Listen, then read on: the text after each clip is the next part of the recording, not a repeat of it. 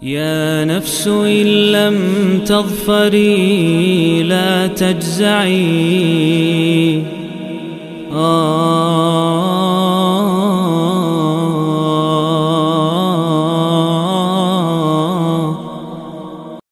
بسم الله الرحمن الرحيم الحمد لله والصلاة والسلام على رسول الله وبعد Ini lanjutan program 114 hari jelang Ramadan.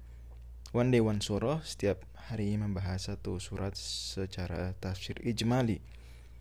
Dan kali ini surat Al-Baqarah surat yang kedua Di mana jika surat Al-Fatihah sebelumnya Sudah menyebutkan topik-topik terpenting Al-Quran Di antaranya yaitu tiga hal ya yaitu apa? Akidah yang kedua syariah yang ketiga kisah maka surat al-baqarah seperti merinci tiga aspek tersebut di surat al-baqarah Allah subhanahu menyebutkan perihal akidah sangat banyak juga perihal syariah begitu komplit bahkan surat al-baqarah sajalah satu-satunya surat yang menyebutkan lima rukun Islam semuanya lengkap beserta aturan-aturan fikih di semua babnya. Dari kitab Tahara sampai kitabul Isq ada di surat Al-Baqarah. Kemudian kisah di surat Al-Baqarah pun Allah mengisahkan kisah pertama manusia itu kisah Nabi Adam alaihissalam. Kemudian kisah-kisah penting lainnya, kisah para nabi. Ya, utamanya adalah Bani Israel. Dan memang surat Al-Baqarah fokus besar kepada kalangan Yahudi dan lebih spesifik lagi kisah sapi betina. Kisah Al-Baqarah itu sendiri yang surat Al-Baqarah disebut demikian karena kisah ini. Di mana di antaranya di ayat 113 surat Al-Baqarah Allah sebutkan tentang Innallaha ya'murukum an tadhbahu baqarah. Allah memerintahkan kepada kalian wahai Bani Israel kata Nabi Musa untuk menyembelih sapi betina. Dan sebagaimana Imam Asyuti dijelaskan umumnya para uh, sahabat dan juga Nabi Muhammad SAW menamai surat dengan nama yang mencerminkan sekali surat tersebut unik. Ciri khas surat tersebut tidak ada di surat lain. Dan kalau di surat Al-Fatihah Allah Subhanahu wa taala mengajarkan kita untuk membaca doa ihdinas siratal mustaqim. Ya Allah tunjukilah kami jalan yang lurus yang kemudian kita aminkan amin di akhirnya maka surat Al-Baqarah menjadi jawaban dari permohonan tersebut. Langsung Allah ijabah dzalikal kitabul la raiba fi hudal lil muttaqin.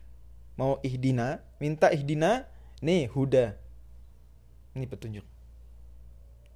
Al-Quran tidak ada keraguan di dalamnya.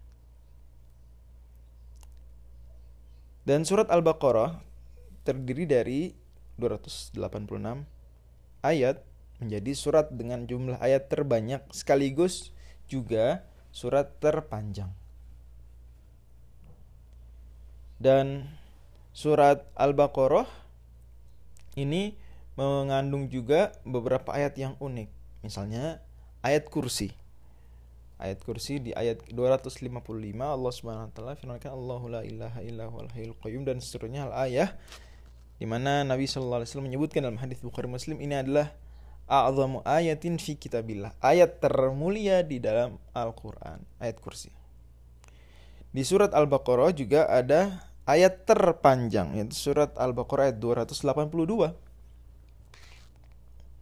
di surat Al-Baqarah juga ada ayat terakhir turun itu satu ayat sebelumnya. Surat Al-Baqarah ayat 281 Taku yauman turja'una fihi Allah jadi ini dua ayat berderet.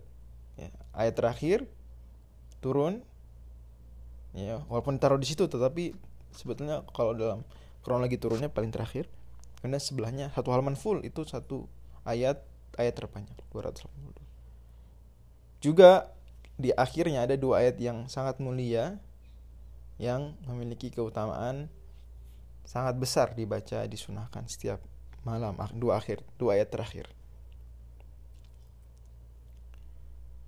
Di surat Al-Baqarah ini ada beberapa uh, isu penting ya, misalnya contoh. Di surat ini hukum-hukum syarat dipadu ya. Kita bisa lihat saling bersilih berganti. Syariat tentang ibadah dengan lima rukun Islamnya semuanya ada kemudian tentang nikah eh, sebelumnya tentang eh, jual beli kemudian pidana sumpah dan dan dan seterusnya ya berpadu seperti memberikan pesan kepada kita bahwa itulah Islam yang komplit Islam yang utuh yang Allah sebutkan juga di surat ini udkhulu fisilmi kafah.